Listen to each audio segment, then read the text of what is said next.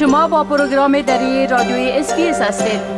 گزارشات عالی را در sbs.com.au دری پیدا کنید.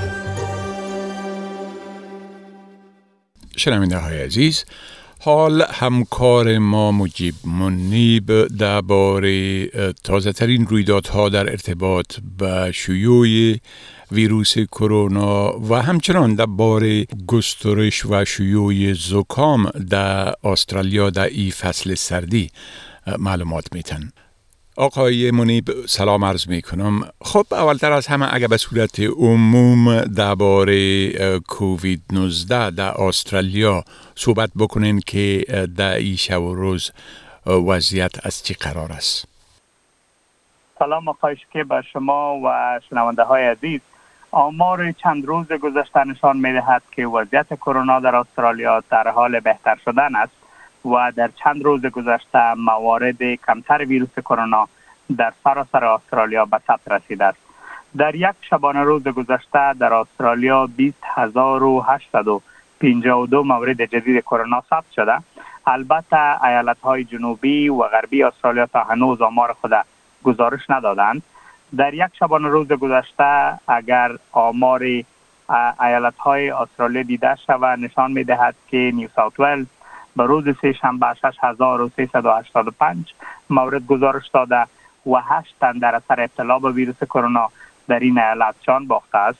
در ایالت ویکتوریا 9181 مورد ثبت شده و 12 تن جان باختند.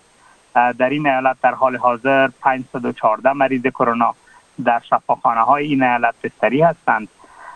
در 24 ساعت گذشته در ایالت کوینزلند بیش از 4288 مورد جدید کرونا ثبت شده و دو تن در این ایالت جان باختند. به روز سه شنبه در ایالت تزمانیا 776 و در قلمرو شمالی استرالیا 222 مورد جدید کرونا ثبت شده. آماری که گزارش داده شده نشان می دهد که وضعیت کرونا در استرالیا در حال بهتر شدن است. اما از یک طرف وضعیت کرونا در حال بهتر شدن است. از سوی دیگر آمار ابتلا به زکام یا انفلوئنزا در حال افزایش است و همچنان مردم نگران افزایش آمار چیچک میمون در استرالیا هستند. بله خب از این دو بیماری دیگه نام گرفتین. یعنی چیچک میمون و زکام که طبعا در این وقت در حال افزایش هست مواردش. میشه که درباره این دو بیماری معلومات بتین که ارقامش چطور است؟ و چی تعداد مردم به ای مبتلا هستند و چی تدابیر به خاطر جلوگیری از ابتلا به او گرفته شده. بله آقای که آمار دقیق زکام یا انفلوئنزا در استرالیا تا هنوز نشر نشده اما هر ایالت آمار خود نشر می‌کنه که نشان دهنده افزایش به سابقه آمار ابتلا به زکام است.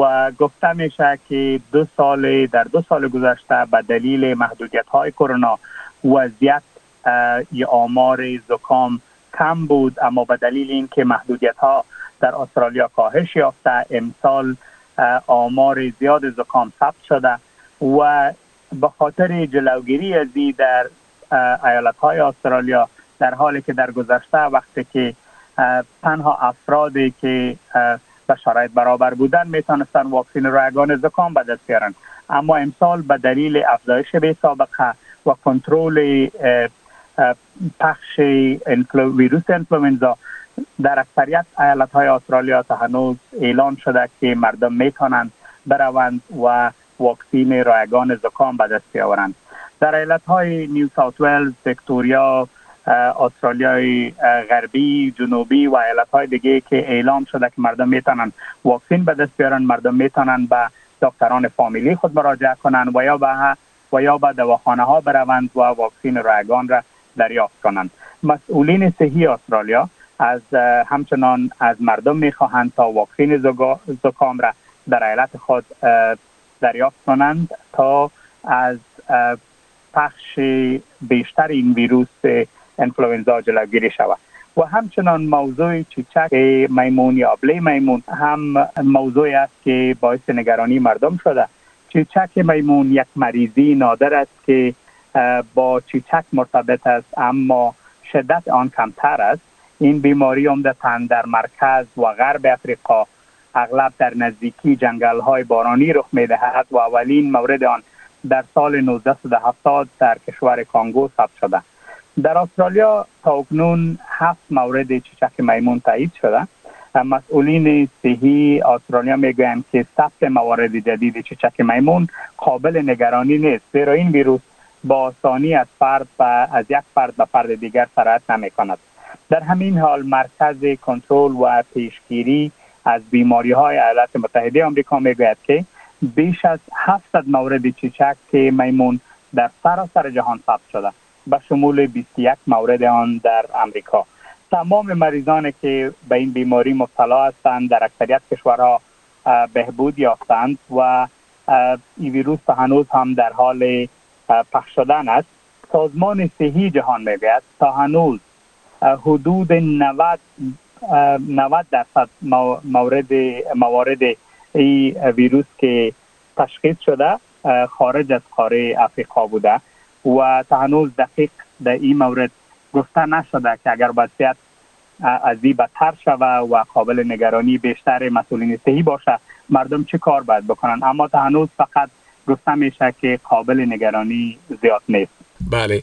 خب آل اگر لطفا درباره آمار مجموعی ابتلاع مردم به ویروس کرونا و همچنان مرگ های ناشی از او و در پهلوی از او میزان دوزهای واکسین که تا حال در سراسر جهان تطبیق شده معلومات بتین بله که در استرالیا تا هنوز بیش از 7 میلیون و 465 هزار نفر به ویروس کرونا مبتلا گردیده و حدود 8777 تن جان باختند.